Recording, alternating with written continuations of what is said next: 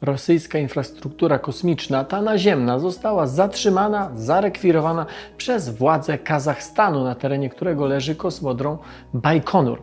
Mienie zostało zamknięte, a Kazachstan dał Rosji w zęby.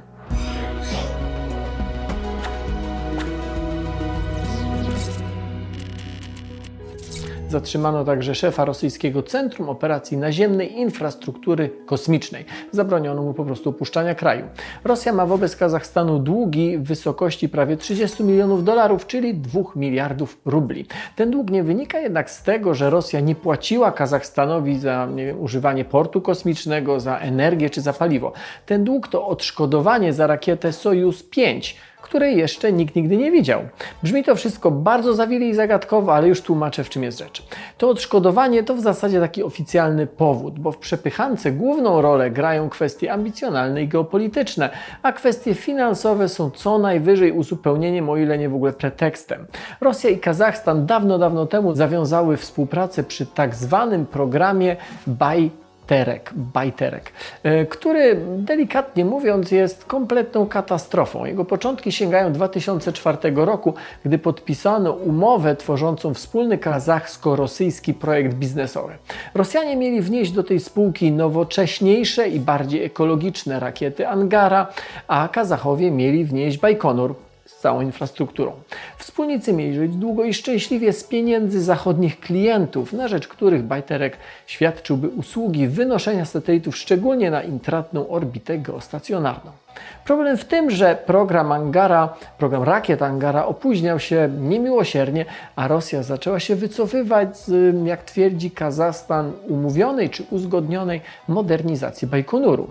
Do tego kilka lat po podpisaniu wspomnianej umowy Rosjanie rozpoczęli budowę własnego portu Wostocznej, e, co nie zostało dobrze odebrane w samym Kazachstanie. W efekcie w 2000, w okolicach 2012 roku projekt zmodyfikowano, czy to umowę zmodyfikowano. Spółka miała zacząć latać na rosyjsko-ukraińskich rakietach Zenit 3, udanie startujących od wielu lat z platformy morskiej.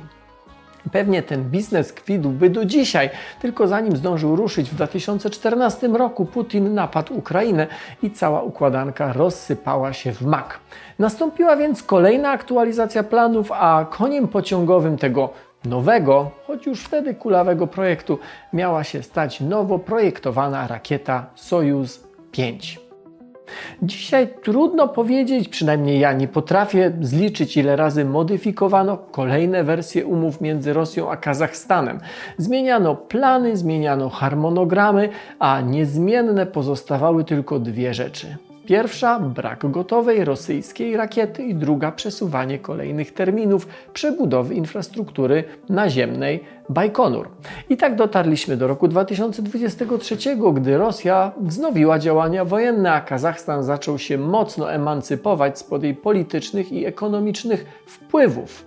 Wraz z wybuchem wojny i nałożeniem na rosyjski przemysł, w tym kosmiczny, sankcji cały plan po prostu wziął w łeb. W najbliższych latach, a może nawet kilkunastu latach, nikt nie będzie chciał z Rosjanami na rosyjskich rakietach latać w kosmos. Biznesplan się rozsypał, a Kazachstan uznał, że pora się zwijać. I tutaj Astana, czyli stolica Kazachstanu, postanowiła zagrać bank. Przesunięto na bliżej nieokreśloną przyszłość moment rozbudowy kosmodromu Bajkonur, tym samym stawiając Rosję pod ścianą, bo bez tej modernizacji, czy właściwie rozbudowy, Rosja dla swojej nowej rakiety Sojus 5 po prostu nie ma miejsca startowego. Rakieta, na którą wydano już sporo pieniędzy, istnieje wciąż tylko w kawałkach, ale jej start taki testowy miał mieć miejsce już w tym roku. Teraz okazuje się, że Sojus 5 nie ma skąd startować. Gdyby tego było mało, strona kazachska zatrzymała, zaaresztowała sprzęt i infrastrukturę należącą do Rosji, bo Moskwa nie zapłaciła prawie 30 milionów dolarów za pracę nad raportami oceniającymi wpływ startu rakiet Sojus 5 na środowisko naturalne. Kazachom zapewne będzie zależeć na zmuszenie Rosjan mm, do sfinansowania mm, sobie samemu w zasadzie większości prac przy nowej platformie startowej, bądź e, może to i lepsze by było jeszcze dla samych Kazachów w ogóle na zerwaniu współpracy. Kazachowie mają mocne karty w ręku, bo rosyjska agencja kosmiczna Roskosmos na Sojuza 5 bardzo wiele e, wydała i bardzo wiele postawiła. Dla bieżących startów innych rosyjskich rosjańskich rakiet, czyli Sojuzów 2 i Protonów, zagrożenia na razie nie widać. Rosja nie ma pełnego pola manewru, bo Bajkonur nawet w takiej formie jak dzisiaj jest ciągle im niezbędny. Z kolei Kazachstan nie może e, w tych naciskach przedobrzyć, bo dla rakiet Roskosmosu nie ma na razie alternatywy.